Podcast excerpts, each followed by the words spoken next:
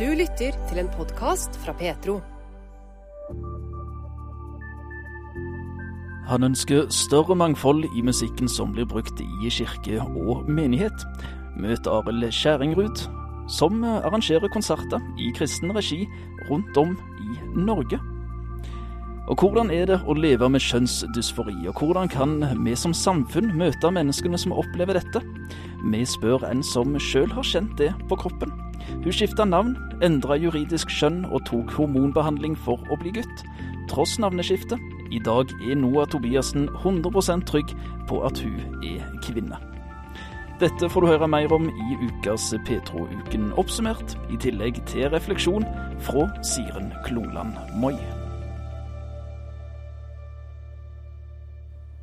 Det er historien om da Jesus vekte Lasarus opp fra de døde, som vi leser om i Johannes evangeliet kapittel 11 og versene 1 til 5, som er utgangspunkt for denne ukens refleksjoner fra Siren Klungland Moi. Men først i denne utgaven av Petro-uken oppsummert. Personen du nå skal få møte, ble født som biologisk jente, men allerede tidlig i livet følte hun at noe var galt, og at hun ikke passa inn blant de andre jentene. 16 år gammel skifta Noah Tobiassen navn, endra juridisk skjønn, og starta med hormonbehandling med tanke på å bli gutt. I fire år levde Noah som transperson, men historien stopper ikke der, forteller Noah. Jeg hadde jo hatt kjønnsdysfori i flere år, og så da jeg var 16, så innså jeg at det var det det var. For jeg hadde liksom ikke prata med noen om det her. Um, og så syntes jeg det ga mening, og så tok jeg aktive handlinger basert på den konklusjonen. Bytta navn, endra juridisk kjønn. Det var vel i fire år at jeg liksom så ut som en gutt. Men mot slutten av denne perioden begynte det å oppstå en liten tvil hos Noah. Det siste året, der var jeg veldig sånn usikker på hva er jeg? Og jeg tenkte ikke at jeg var begge deler, eller noe sånt. Men jeg så meg selv i speilet, og jeg skjønte ikke helt Jeg klarte ikke helt å definere hva jeg var. For jeg så Jeg tror det var litt det at jeg så androgyn ut. Det vil si, jeg så både mannlig og kvinnelig ut i en periode. Helt sånn basert på hva slags klær jeg tok på meg den morgenen. Så liksom, hvis jeg tok på meg en kjole, så tenkte folk jeg var jente. Hvis jeg tok på meg joggebukse og en hettegenser og caps, så trodde folk genuint at jeg var en gutt. og det gjorde meg forvirra. Og på dette tidspunktet så hadde kjønnsdysforien blitt dempet. Jeg hadde fått et annet forhold til kroppen min. Og kroppen min hadde jo også endra seg av, av testosteronet. Um, ja, for du tok altså så hormonbehandling? Jeg gikk på det i to år, ja. Mm. Men dette, denne perioden hvor jeg ikke visste hva jeg var, da hadde jeg slutta. Og så kom jeg til en konklusjon litt sånn ut av det blå mens jeg så meg i speilet. Bare sånn Jeg er kvinne, og det har ikke så mye å si hvordan jeg ser ut, eller hvordan jeg føler meg. Jeg er kvinne fordi jeg ble født kvinne, og det var litt sånn lettelse også. Tidligere så hadde jo dette kun vært en negativ ting i mine øyne, og noe jeg ønsket å ikke forholde meg til. Eller sånn, jeg ønsket jo ikke å være kvinne. Eh, men på dette tidspunktet så var det litt sånn lettelse å bare innse at det er biologisk og ikke opp til meg. Du sa jo at den, den, tanken kom litt sånn ut av det blå. Ja. Hva legger du i det, eller hva, hva, betyr det? Eller hvordan kom den tanken?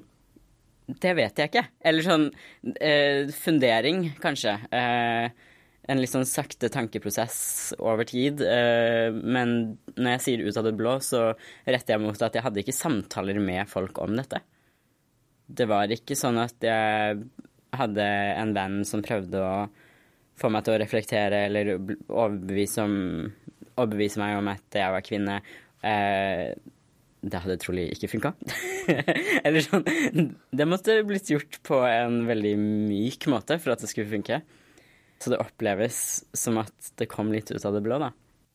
Tanken om å ikke passe inn som jente ble forsterket i puberteten, men den oppsto mange år tidligere, forteller Noah. Ja, Eh, så tidlig som barnehagealder så lette jeg etter nye spesifikt jentenavn, så det var ikke guttenavn enda. Men jeg syns det var vanskelig, mest sannsynlig, å være meg selv. Jeg forbandt sikkert noe med navnet mitt. Noe jeg ikke ønsket å være, eller noe jeg ikke syntes var lett. Og så hadde jeg en periode hvor jeg kun responderte til Josefine. um, og så da jeg var uh, åtte, uh, da gikk jeg forbi butikken Noa Noa, og så tenkte jeg å, så fint navn. Tenk å hete det, liksom. Um, så var det ikke noe mer tanke, men rundt samme alder så uh, trakk jeg konklusjonen om at det kanskje var det at jeg var jente. At det var det som var feil. Eh, fordi jeg passa ikke inn med jentene, jeg passa mer inn med guttene. Og guttene satte et hinder for meg fordi jeg var jente. Så liksom, mest sannsynlig så prøvde jeg bare å finne en løsning og eh, få situasjonen til å gi mening. Det som er veldig leit, er jo at jeg ikke uttrykket det til noen voksne, og det aldri ble korrigert. Ja, for du snakket ikke med, med foreldre eller andre om, om, de tankene og de følelsene som du gikk og, og, og kjente på? Ikke en sjel. Og det, det, var ikke noe jeg aktivt holdt inni meg heller. Uh, jeg bare prata ikke så mye da jeg var yngre, så uh, dette kom ikke ut før jeg var 16. Og jeg skjønte det heller ikke helt før jeg var 16. Ja, for du sa jo det at du, du eh, på en måte, ja, Nå husker jeg ikke hvilket ord du brukte, men på en måte oppdaget eh, da på den tiden at mm. OK, det er dette som er problemet? Eh, ja, jeg oppdaget vel at dette var noe andre også gikk gjennom, og at andre fikk en spesifikk behandling for det, som er hormoner og kirurgi. Alle sa det samme, eller sånn, alle ga den samme løsningen. Løsningen var alltid medisinsk intervensjon, ikke å løse opp i hvordan man ser på seg selv og hvordan man ser på kroppen sin. og ja. Noah Tobiassen var overbevist om at kjønnsskifte var riktig løsning. Hun skiftet altså navn, endret juridisk kjønn og fikk testosteronbehandling i flere år, før ting begynte å endre seg og tvilen begynte å melde seg. Gradvis vokste det fram en ny overbevisning om at kjønn er bundet til biologi, og at hun dermed er kvinne. Men hun har likevel ikke angret på det hun gjorde. For meg da, så har det vært en veldig gradvis prosess. Eh, jeg har aldri sett meg i speilet og liksom fått sjokk eller, eh, eller eh, grått over over endringene kroppen min har hatt etter at jeg starta på hormoner. Jeg har definitivt grått over kroppen min før det, men, men ikke, ikke, etter. Så liksom, jeg har vært veldig heldig med å ikke At dette ikke har påført meg mange traumer. For det er folk som ser seg selv i speilet, og de vet ikke hvem de er. Eh, de kjenner ikke seg selv igjen. Eh, og det er noe annet enn det jeg gikk gjennom. Eh, jeg visste jo fortsatt hvem jeg var, bare ikke sånn kjønnsmessig. Men nei, det var, det var, egentlig bare sånn en lettelse. Og så tenkte jeg bare at hva andre oppfatter meg som, det får bare være. Jeg vet hva jeg er og det er grunnen til biologi. Det er ikke noe å krangle om. Jeg er helt trygg på at jeg er kvinne, så derfor er ikke det en usikkerhet sånn som det var før. Mm. Eh, når, jeg, når, jeg, levde i det motsatte, på en måte, og tenkte at jeg måtte bevise at jeg ikke var kvinne. Det faktumet at jeg var kvinne, var noe jeg ikke ville forholde meg til tidligere, og som jeg ikke ønsket. Men på dette punktet så hadde kroppsbildet mitt blitt annerledes. Og jeg stritta ikke lenger imot. Og jeg var mer komfortabel med kroppen min. Både fordi eh, Fordi jeg hadde fått de endringene jeg ønska, på en måte. Altså, eh, det var en sånn miks av at jeg fikk behandling pluss perspektiv over tid. Og nå hadde det ikke vært nødvendig for meg å, å ha mørk stemme, eksempel. Altså, eh, men eh, Men eh, der og da så var det et avbrekk reali fra realiteten om at jeg var kvinne. Det fortalte Noah Tobiassen, som i dag er 23 år gammel. Hun ble født som jente, men etter flere år med kjønnsdysfori starta hun som 16-åring prosessen mot å bli gutt både sosialt, juridisk og medisinsk.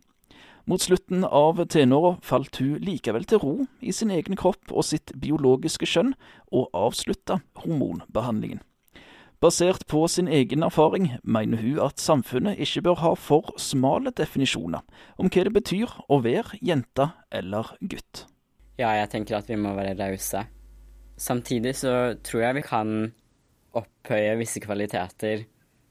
Ønske at menn skal ta ansvar og kunne være i stand til å beskytte eh, både land og familie og altså eh, At vi kan ha disse idealene, samtidig som vi kan ha plass til folk som ikke passer inn i den kategorien. Og det samme med kvinner. Og jeg var og er, kanskje. sånn, litt sånn personlighetsmessig så har jeg kanskje noen kvaliteter som ikke er like vanlig for kvinner. Og liksom i oppveksten så ble jeg kalt guttejente av disse tingene. Men det er veldig det er veldig leit at det nå har blitt en mindre toleranse for disse trekkene, da. Og at du automatisk blir stempla som kanskje født i feil kropp. Ja, men det, det er jo litt eh, bemerkelsesverdig, tenker jeg, at du sier at det er blitt mindre toleranse nå. For, mm. for poenget har vel vært å, å, øke toleransen for Ja. Det har, eh, det har vært det vi hører. Men realiteten av det er jo at det har blitt mindre toleranse for å være annerledes. For da blir du automatisk stempla som trans eh, og lignende. Eh, når du ja, kanskje bare trives med jentevenner, da, som gutt, eller, eller motsatt. Eh, det er litt krise om det blir et spørsmål unge får, og jeg tror det er et spørsmål unge får. Eh, både fra voksne og medelever. Altså, basert på, på dine erfaringer, hva, hva, tror du kan være en en fornuftig måte å, å, møte det på når noen eh, ikke altså kjenner på at de ikke helt passer inn, da? Hmm. tror det er viktig å påpeke at det er veldig mange som ikke passer helt inn på ulike måter. Og på barneskolen og sånne situasjoner så blir det kanskje fremhevet folk som ikke oppfører seg men i realiteten så er det kanskje ikke en så big deal. Eh, grunnen til at jeg kjente meg utafor, var jo fordi jeg ble utstøtt. Altså hvis jeg bare hadde fått lov til å leke med gutta, så hadde jeg kanskje ikke tenkt helt det samme. Eh, uten at jeg vil gi dem skylden for noe av det her. Jeg hadde jo identitetsproblemer før dette, men eh, det at jeg ønsket å leke med guttene, jeg tror ikke det var et problem i seg selv, men utestenging er. Så liksom, de som føler seg annerledes, må kanskje innse at det handler, mer, det handler om mer enn bare dem. Det, det, handler om hvordan samfunnet møter dem også. Uten at man kan kreve noe heller. Men er du eh, helt trygg på at det er en, si, en, en, eh, en god tilnærming å, å, tenke om kjønn i, i, biologiske termer på en måte heller enn i eh, hva skal vi si, sosiale termer? 100 mm. Det finnes jo noen som er født intersex. Det er en biologisk tilstand det, det, er flere variasjoner, men eh, for eksempel så kan du ha mannlige kromosomer, men så produserer kroppen kvinnelige hormoner, eh, så du ender opp med å se som en kvinne, men kromosomer til en annen. Sånne tilstander fins, men det er biologisk. Og de, er, de har jo ikke noe skyld i dette. Eh, jeg tenker at eh, det er veldig leit at kirurger og leger i mange, mange år har tatt valg for dem når de er babyer, uten at de selv kan være med på dette. Eh, og i de situasjonene så gir det mening å bruke hormoner for å korrigere eller å liksom se ut som ett kjønn istedenfor begge, liksom. Hvis det er ønskelig. Eh, og vi må også ha toleranse for at folk ser litt ulike ut. Eh, men eh, det er en veldig annen situasjon enn kjønnsdysfori. Selv om noen som er født intersex, kanskje kan kjenne på det samme i og med at de kanskje skiller seg ut osv. Men eh, det å det å ha kjønnsdysfori, det vil jeg personlig sammenligne mer som en forstyrrelse på kroppsbildet og, og identitet. Litt som spiseforstyrrelse. Kanskje dypere. Jeg vet ikke. Du sjøl fikk jo eh, hormonbehandling og, og begynte på det å oppleve den positivt, eh, det der og da. Mm. Med de erfaringene du har, hva tenker du er, er lurt for samfunnet å legge opp til? Har du noen tanker rundt det? Jeg tror folk føler seg bra når de får den behandlingen. Eh, jeg skal ikke benekte det, for jeg har følt det selv, ikke sant. Så jeg tror absolutt at folk opplever eh, positive følelser og liksom økt livskvalitet midlertidig av behandling. Fordi de får et avbrekk fra det de hater. Og jeg tror veldig mange kan dempe symptomene på kjønnsdysfori og leve med det ut livet gjennom den behandlingen folk får nå. Altså, jeg, jeg ser at det er mulig. Det betyr ikke at det er riktig likevel. Det tar ikke Det, det kveler ikke flammen. Det er et plaster på et brukket bein. Det, potensielt kan det vare ut livet hvis det ikke tar tak i det underliggende problemet.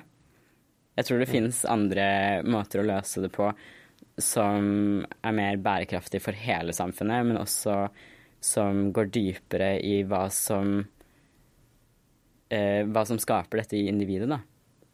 Og dessverre så har den offentlige eh, helsesektoren ikke tatt i bruk så mange verktøy, spesielt innenfor eh, terapi og DPS. Altså, det er begrensa hvor mye samtaleterapi kan gjøre når det sitter så dypt og i kroppen, liksom. Fordi det, traumer Hvis det er det som er involvert, da. Traumer kan sette seg i kroppen, liksom. Så vi trenger mer enn bare standard, eh, standard samtaleterapi.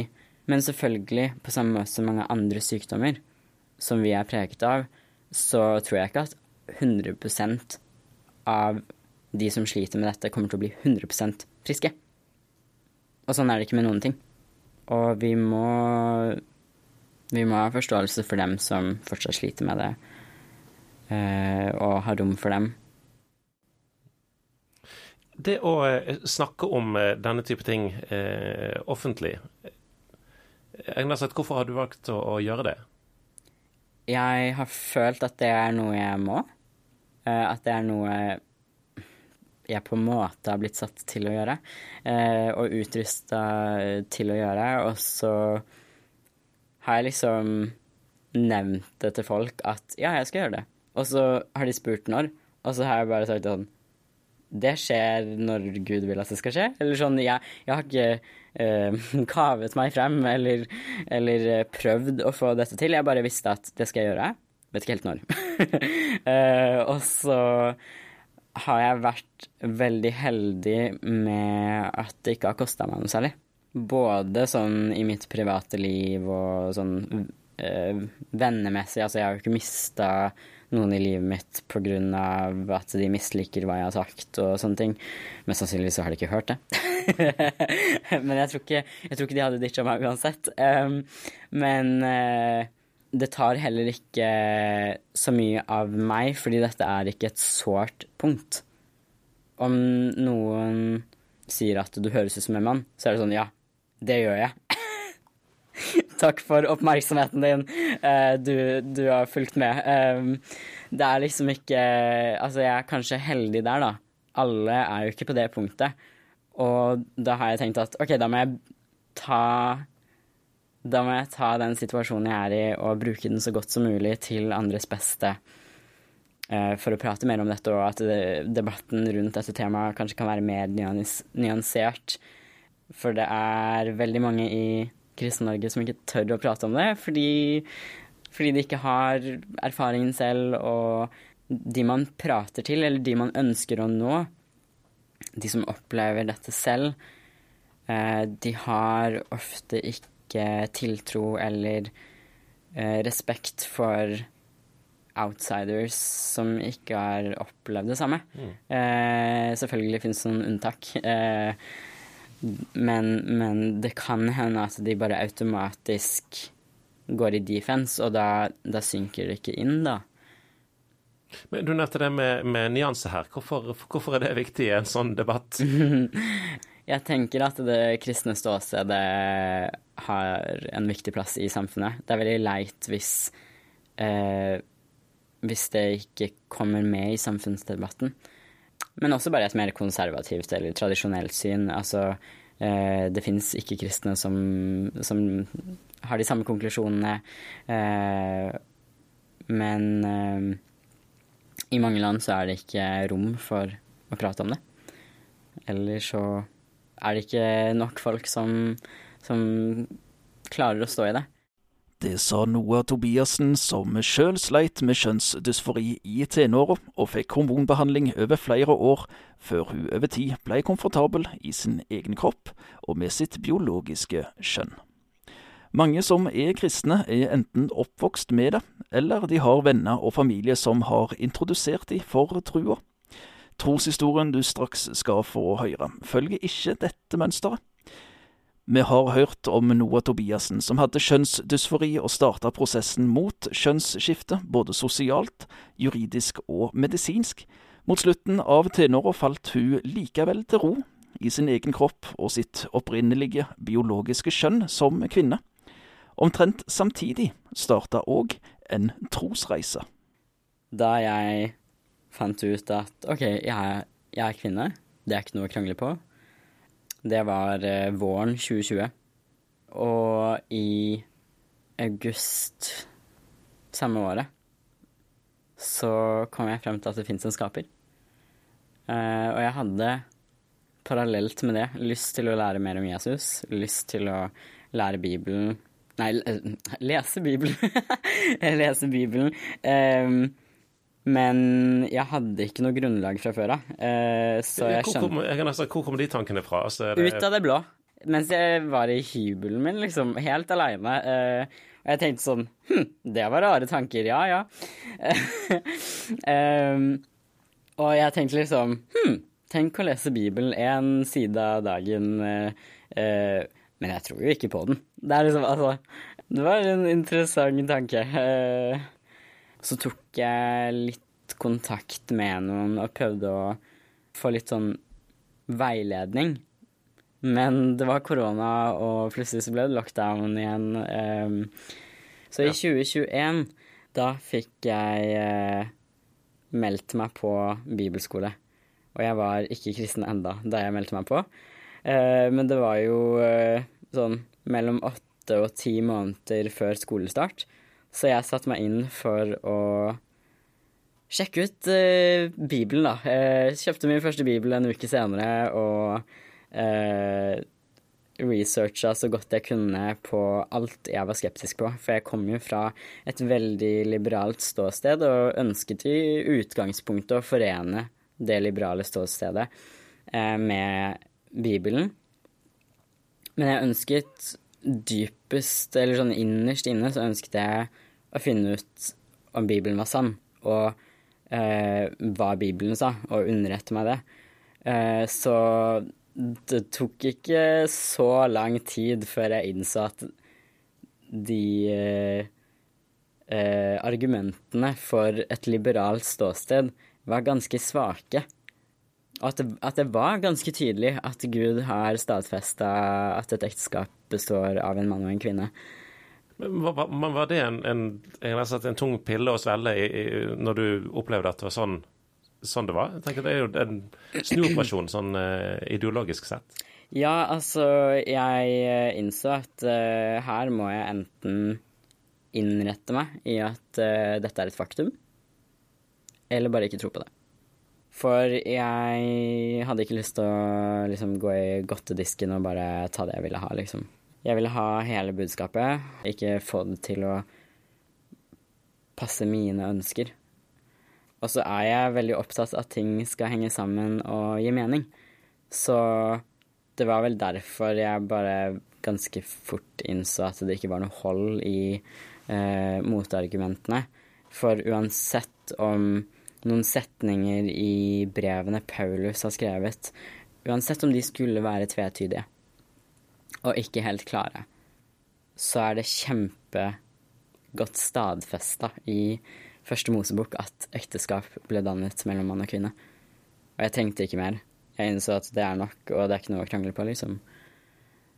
Men En ting er jo eh, synet på ekteskap og, mm. og, og, den type ting, men, mm. men det å tro på en skaper som mm. har skapt alt, det å tro på eh, Jesus som sto opp fra de døde, det er jo, det er jo noen eh, ja, å ta. Og absolutt, absolutt. Eh, det var langt fra å tro på en Altså, jeg trodde jo på en skaper over ett år før jeg plukka opp en bibel.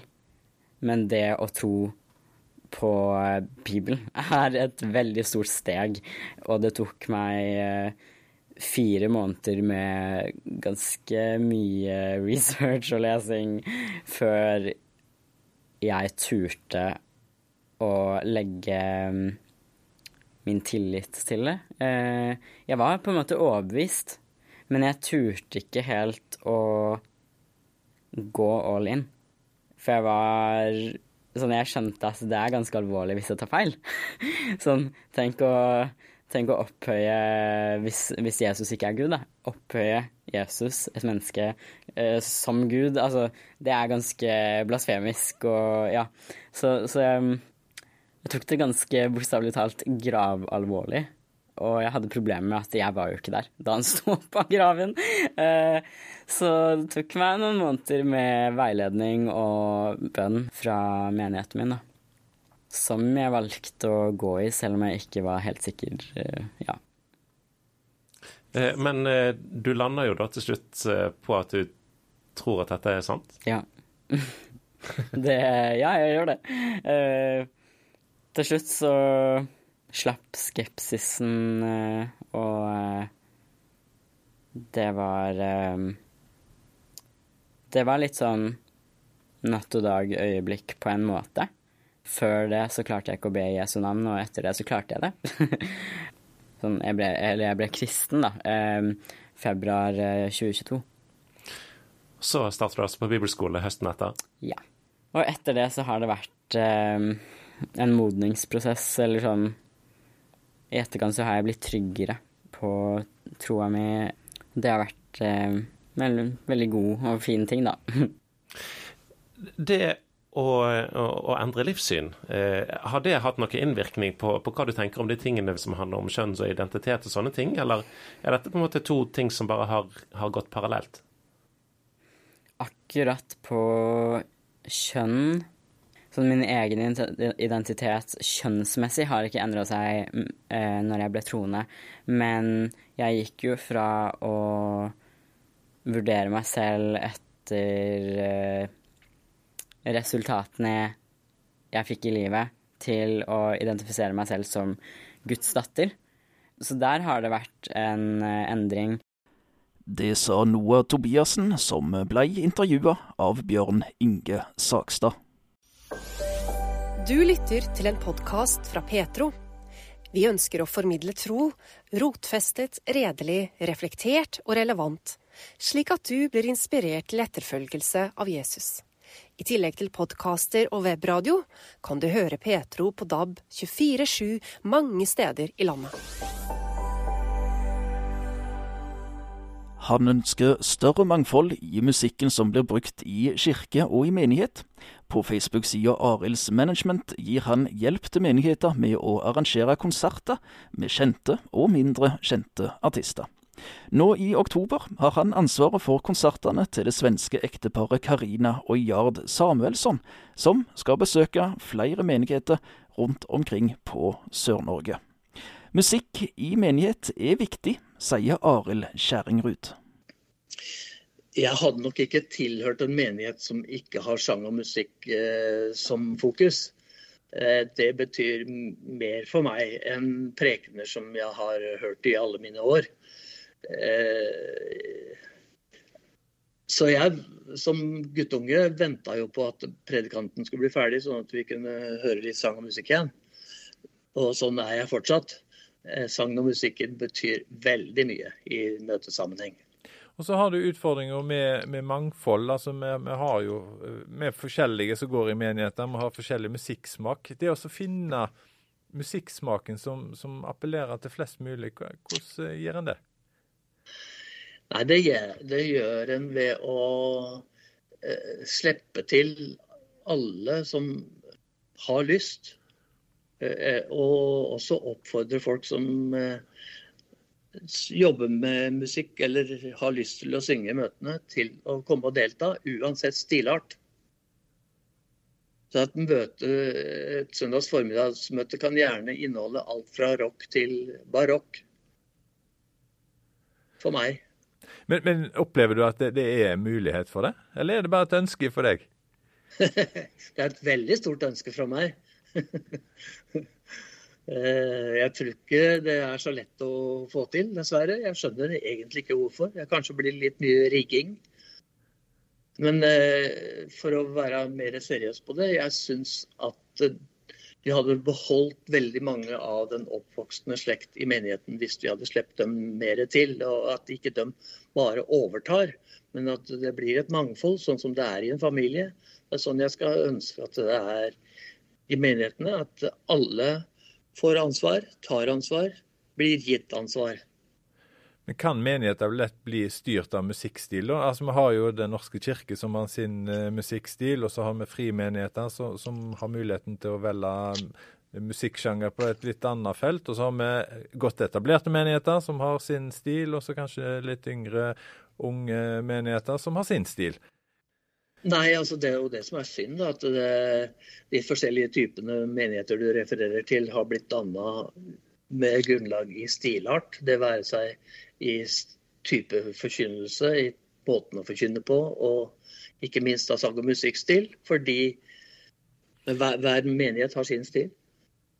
Nå ønsker du å hjelpe menigheter. Du har lagd ei Facebook-side der du eh, tilbyr deg eh, å hjelpe menigheter rundt omkring i Norge eh, med bl.a. konserter, og, og eh, hjelpe dem der det er utfordringer. Når, hvis f.eks. menigheten er liten og, og, en har lyst til å ivareta musikken. Hva er grunnen til at du har eh, engasjert deg i det? Det er jo rett og slett for at eh, når jeg ble pensjonist og fikk litt bedre tid, så tenkte jeg hva bruker jeg tida mi på? Og jeg kommer jo aldri til å bli forstander eller eldstebroder eller noe i den døren, for det er jo sangen og musikken jeg brenner for. Og da, litt før koronatid, så fikk jeg ideen om å jobbe med dette her på en nettside. Det er mange utøvere som er veldig gode og har gode sanger som de ønsker å formidle, også utenfor deres egen menighet, og i ulike stilarter. Og Samtidig så er det mange menigheter som er små og som trenger impulser utenfra de kanskje sliter på få ressurser når det gjelder sang og musikk. Det er de samme som må ta ansvar på hvert møte. Og Det som er utfordringen nå for tiden, er at mange menigheter er bundet av tradisjoner. Det skal være som det var for 60 år siden. Og fallgruva andre veien er at der hvor de unge har tatt helt over, så har det vippa helt over i kanskje nesten bare engelskspråklig nåtidens eh, stil, som eh, eldre mennesker sliter litt med. Men det er først og fremst de små menighetene jeg tenkte på. At for at de skal kunne bestå, så må de ha litt, eh, litt impuls utenfra. Og det, det, er der jeg tenkte å komme inn da, og lage en nettside hvor jeg presenterer et antall sangere og musikere som ønsker flere oppgaver, og som gjerne reiser rundt og besøker menigheter for en, en sum som er omtrent det samme som en predikant koster å få. I oktober så besøker Karina og Jad Samuelsson Norge. De skal ha ti konserter i bl.a. Trøndelag, i bergensområdet, Rogaland og Østfold. Jad Samuelsson begynte sin musikkarriere i gruppa Samuelsson i lag med sine tre eldre brødre, og de var en av de mest populære svenske musikkgruppene på 1970-tallet, og i eh, de nordiske landene og i USA. Samuelssons og deres musikkstil har vært viktig for Arild Kjerringrud. Samuelssons har jo betydd uh, mye for, for, meg og helt fra 1972 da vi starta opp, eh, som nevnt. At vi sang Samuelssons sanger. Og vi var jo på den campingplassen som den dreiv bort på Ørland i år etter år med barna våre i oppveksttida. Og det har satt dype spor og betyr veldig mye. At den stilarten med flotte harmonier som går veldig i hverandre fra en søskenflokk, det er et fenomen som jeg kjenner til. Uh, det har satt så dype spor. Jeg hadde nok ikke personlig kontakt med noen av dem i den tida, men Jard og meg fikk kontakt på et eller annet tidspunkt i seinere tid. Og når jeg da drev med dette, så tilbød jeg Jard en, eh, en miniturné i 2019. Og vi hadde en i fjor. Og vi skal ha en i år. Og uh, syns jo det er gøy, da. At, uh, at jeg kan få ha en legge opp en konsertturné for han. For han er jo ukjent han, han, han har jo ikke så mange kontakter her. Og jeg har jo kontakta 70-80 menigheter for å få til ti steder som funker. For det er tilbake til det med stilart. Det skal funke med at de tåler stilarten i menigheten. Og det skal funke geografisk.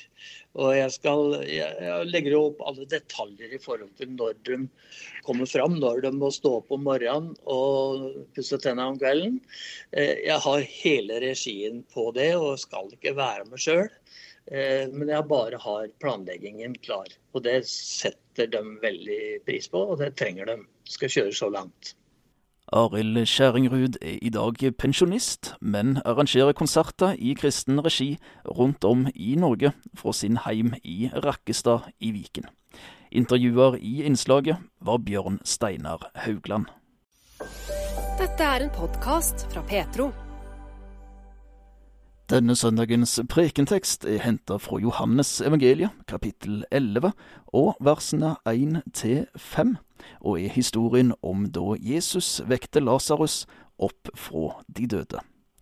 I serien Refleksjon er det denne uka Siren Klungland Moi som har delt sine tanker med oss om denne teksten. Jeg har tenkt på det å bli syk i dag. De fleste har vel opplevd å bli syke. Kroppen virker ikke, vi blir satt litt ut, orker ikke å gjøre det vi pleier å gjøre, og det går utover jobben, familien, hverdagen. Det merkes når noen er syke. Hverdagen fungerer ikke som normalt, ting blir utsatt, satt på vent, andre må kanskje steppe inn og gjøre jobben, og den som er syk, har vondt. Det er kjedelig, og det går ut over så mye mer enn den som er syk. Jesus sin venn, bror til Martha og Maria, Lasarus, var blitt syk. Det gjorde noe med søstrene hans. Det gjorde noe med vennen hans, Jesus. Det gjør noe med oss når noen blir syke. Særlig når noen vi er glad i og står nær, blir syke.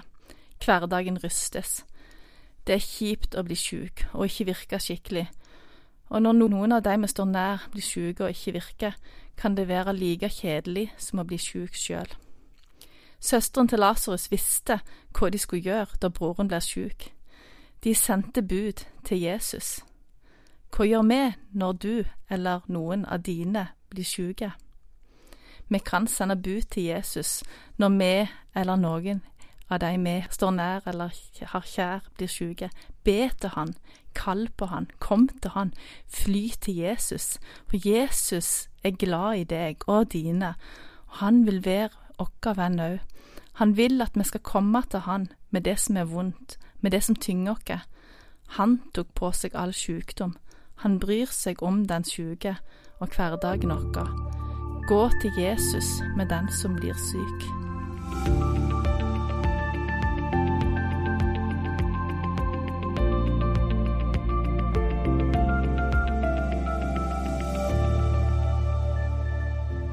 I dag har jeg reflektert litt rundt det å være glad, være så glad i noen. Lasarus sine søstre Maria og Martha sendte bud til Jesus da broren ble sjuk, og sa, Herre, han som du er så glad i, er sjuk.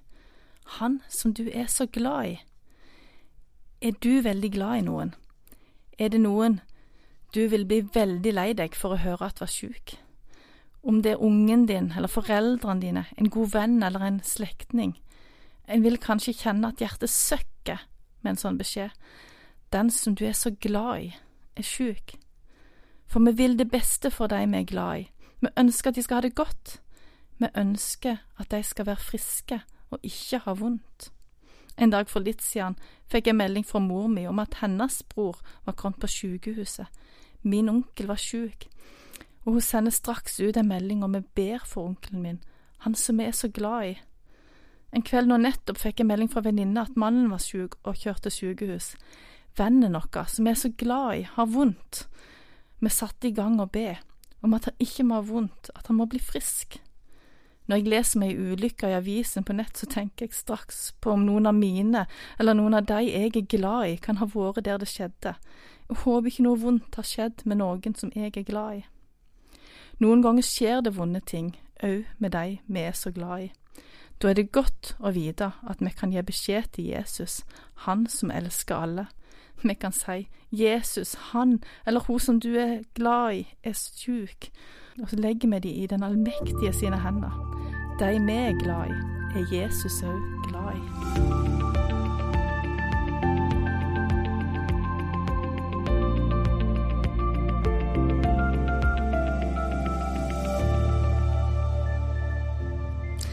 Jeg vet ikke om alt jeg gjør, akkurat ære Gud. Noen ganger når vonde ting skjer, kan vi bli litt sinte på Gud, kanskje, fordi han ikke gjør sånn som vi vil for det vi tenker ut hvordan han kan svare bønnene vi ber.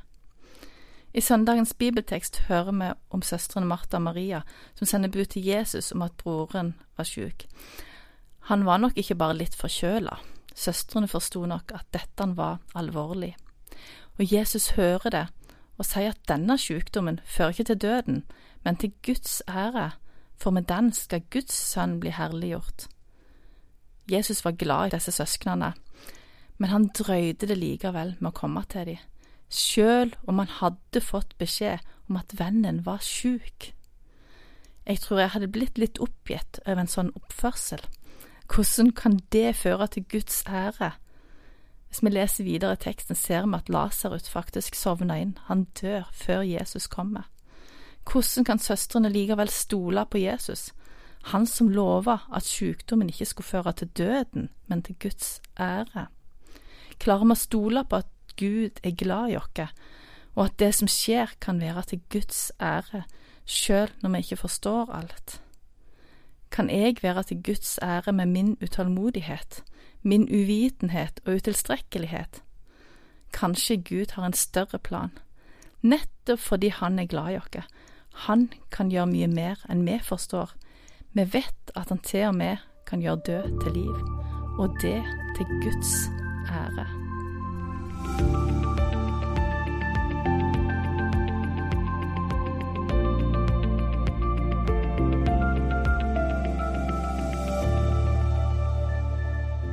I dag har jeg satt overskrifta 'Noen å være knytta til'. Har du noen som står deg nær, noen du er spesielt knytta til? Hvis vi har ektefelle og barn, vil det være naturlig å være nært knytta til dem, og foreldre, og vi kan òg ha noen veldig gode og nære venner. Vi blir glad i de vi er knytta til, kanskje fordi vi trenger de, eller de trenger oss. Vi får et litt sånn avhengighetsforhold. Jeg trenger min mann til så mye, føler meg litt lost uten han. Selv om jeg kan klare mye sjøl, altså, så er det mange ting jeg overlater til han. Det er trygt å ha noen som kjenner meg og mine begrensninger, og som utfyller meg. Det samme kan være med mine unger. Det merkes som de ikke er hjemme. Og jeg tror òg at de merker det om jeg ikke er til stede i hverdagen. Og foreldre er jeg takknemlig for å ha nær. Selv om de er et stykke vekke, så kan jeg ta en telefon når jeg lurer på ting. For eksempel når jeg skal lage noe mat. Da trenger jeg ofte mamma sin hjelp. Vi er villige til å hjelpe de vi har kjær. Når jenta mi trenger eller ønsker å bruke bilen, legger jeg fort om på mine planer for å få det til sånn at det blir greit for henne. Noen ganger kan vi sette de vi har kjær foran oss sjøl. Har ungene mine det vondt, så kjennes det ut som jeg sjøl har vondt. Vi kan føle smerte og glede som om det er oss sjøl, fordi vi er så nær knytta til de som står oss nær. Jesus han gråt da han fikk vite at vennen sin var død, fordi han sto han nær. Han kjente på smerten. Vi kan være til stede på en helt spesiell måte for de som står oss nær. Vi kjenner det på vår egen kropp, og det tror jeg kan være med å gjøre smerte og sorg lettere. Hold deg nær til Gud, så holder Han seg nær til deg. Han ønsker å være nært knytta til deg.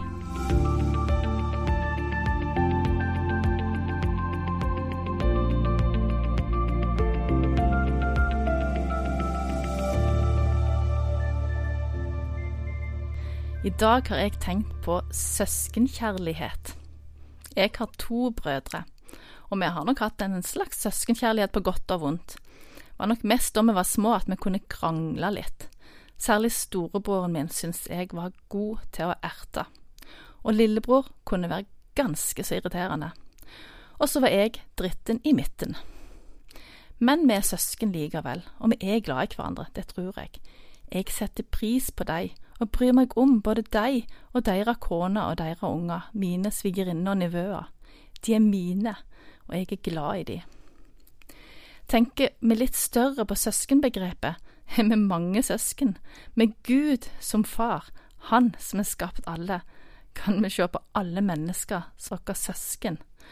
Og da har vi en jobb å gjøre, å vise dem søskenkjærlighet.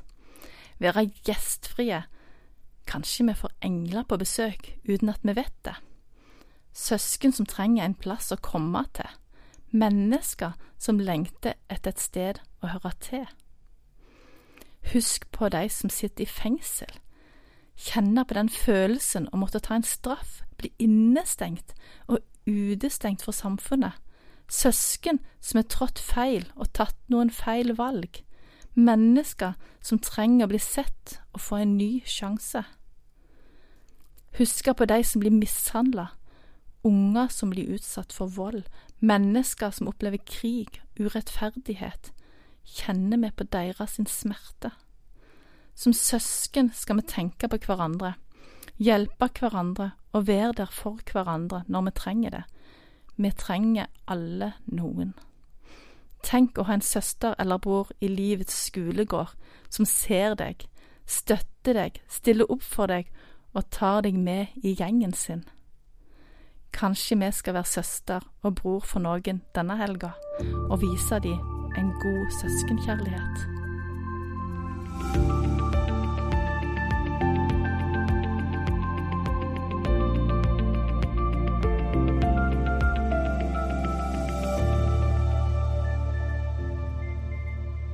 Det var Siren Klungland Moi som delte sine tanker rundt eh, søndagens prekentekst i kirkeåret. Denne søndagen henta fra Johannes evangeliet, kapittel 11, og versene 1 til 5. Du har lyttet til en podkast fra Petro. Du finner mer i Petro-appen, på petro.no, eller der du ellers lytter til podkaster.